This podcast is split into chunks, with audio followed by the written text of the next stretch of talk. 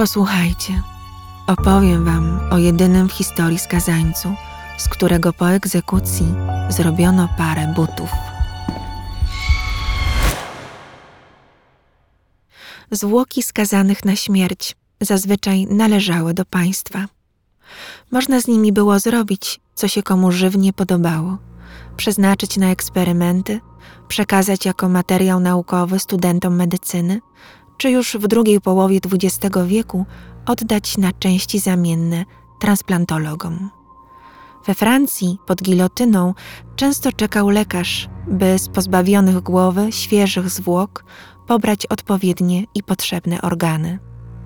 W Chinach ciała osób, którym podano śmiertelny zastrzyk, są natychmiast przekazywane we właściwe ręce do transplantacji. Dwóch amerykańskich lekarzy, Thomas McGee i John Osborne, postanowiło wykorzystać zwłoki George'a Parota, zlinczowanego przez tłum bandyty, w dość nietypowy sposób. Zanim opowiem Wam o tym, co zrobili, przeniosę Was na chwilę na bardzo, bardzo dziki zachód. Legendarny George Parrot, znany także jako George Manius, George Carey, Big Nose George, urodził się 20 marca 1834 roku w Montbéliard. W 1862 roku wyruszył z portu w Hawrze do Nowego Jorku. We Francji zostawił żonę i syna. Prawdopodobnie nigdy się nie dowiemy, dlaczego wyjechał sam do Stanów Zjednoczonych i dlaczego stał się bandytą. Parot, już jako złodziej bydła i koniokrat, wraz ze swoim gangiem próbował okraść pociąg w Wyoming w 1878 roku.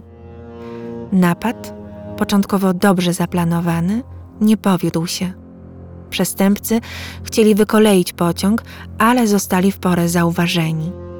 Historia zakończyła się podwójnym morderstwem. Podczas próby ucieczki Parot i jego banda zastrzelili dwóch tropiących ich stróżów prawa szeryfa i detektywa. Za głowę Parota wyznaczono nagrodę 10 tysięcy dolarów. Wkrótce podwojono ją Przywódca bandy, poszukiwany przez ponad dwa lata, został schwytany w Montanie. Wpadł głupio, gdy pijany przechwalał się, jaki to z niego morderca. Przechwałki dotarły do właściwych uszu.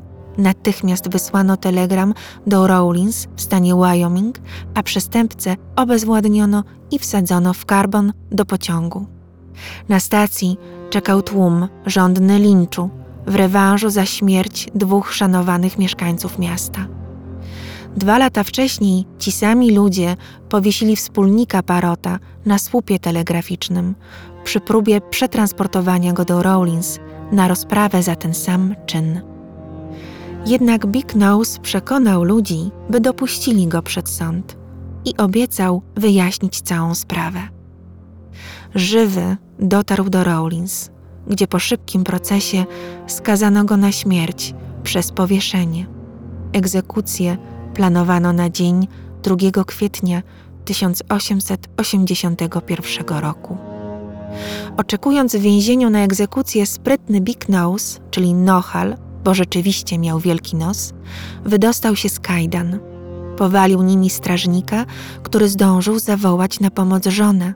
Kobieta chwyciła rewolwer i trzymając uciekiniera na muszce, zawróciła go do celi. Kiedy ludzie z miasta dowiedzieli się o zajściu, ponad 200 osób przybyło pod więzienie. Wyciągnęli parota ku rozpaczy pobitego strażnika i jego partnerki i powiesili na słupie telegraficznym, w mieście nie było drzew. Na darmo parot runął na ziemię. Druga próba powieszenia znów była nieudana. Lina była za krótka, by złamać kark mężczyzny. Parot wyswobodził ręce, wspiął się na słup i błagał, jak twierdzili później świadkowie, by ktoś go w końcu zastrzelił. Jednak spadł ponownie na ziemię i po raz trzeci go powieszono. Tym razem skutecznie, ale tak brutalnie, że lina oderwała mu uszy. Jego śmierć była przerażającą torturą na oczach całego rozwścieczonego miasteczka. Stracił życie 22 marca 1861 roku, dwa dni po swoich 47 urodzinach. To był dopiero dziki zachód, prawda? Gdy martwy Big Nose zwisał ze słupa, na miejsce wezwano młodego doktora Johna Osborna, by stwierdził zgon i zajął się sekcją, w czym pomógł mu chirurg i lekarz Thomas McGee. Nikt nie zgłosił się po ciało Parota. Jego rodzina mieszkała we Francji. Medycy, zdając sobie z tego sprawę, wykorzystali ciało bandyty na wiele sposobów. Panowie chcieli zbadać, w którym miejscu w mózgu tkwiła przestępcza dusza. Dlatego odcięli górną część czaszki i badali jej zawartość. Wiele wskazuje na to, że nic ciekawego nie znaleźli i nie wykryli żadnych anomalii. Osborne nie poprzestał na eksperymentach, które przeprowadzał na zwłokach parota zakonserwowanych w beczce po whisky wypełnionej roztworem soli. Beczka przez prawie rok stała w gabinecie doktora Magii, potem lekarze kazali ją zakopać na tyłach ogrodu. Z górnej części czaszki skazańca wykonano popielniczkę, którą Magii sprezentował swojej szesnastoletniej asystentce, Lilian Nelson, w przyszłości pierwszej lekarce kobiecie w Wyoming. Lilian używała jej do końca życia, również jako odbojnika do drzwi i pojemnika na pióra. Ze skóry parota, którą Osborne osobiście zdjął, z ud, twarzy i klatki piersiowej, łącznie z sutkami, uszyto buty, portmonetkę i torbę lekarską w garbarni w Denver w stanie Colorado. Ku rozczarowaniu lekarza nie wykorzystano, jak żądał, sutków parota. Torby używał codziennie, buty zakładał na specjalne okazje. Wiadomo, że wystąpił w nich na balu inaugurującym, gdy wybrano go na gubernatora stanu Wyoming w 1893 roku. Przez długi czas wydawało się, że praktyczne wykorzystanie ciała zlinczowanego przestępcy to jedynie legenda. Aż do 11 maja 1950 roku, kiedy to w trakcie prac budowlanych wykopano beczkę ze szczątkami parota. Pośród kości znaleziono tam również buty z ludzkiej skóry oraz charakterystyczną czaszkę bez jej górnej części. Skontaktowano się z wciąż żyjącą dr Lilian Nelson. Jej popielniczka z kości idealnie pasowała do kształtu znalezionej czaszki. Późniejsze badania DNA potwierdziły autentyczność butów i reszty zwłok.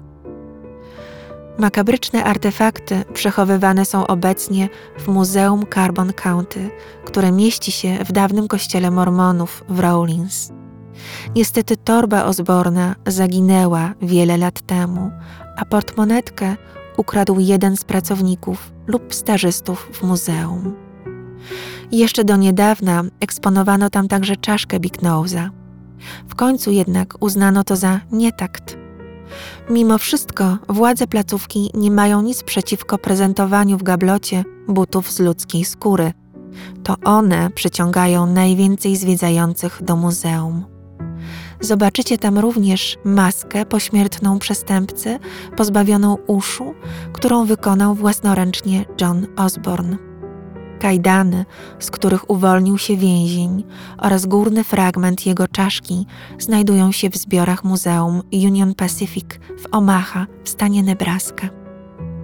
Pozostałe szczątki George'a Parota pochowano w nieoznaczonym miejscu. A gdzie? Tego pewnie już nikt nie pamięta. Legenda Parota wciąż ma się dobrze – w amerykańskich sklepach internetowych możecie znaleźć reprodukcje listów gończych, jakie za nim rozsyłano. Myślę, że czas już pewne zabytki niechlubnej historii schować przed oczami gawiedzi. Mam wrażenie, że potomkowie ludzi, którzy powiesili parota, są wśród gości muzeum. I być może przedmioty wykonane z ludzkich zwłok budzą w nich podobne, niezdrowe emocje.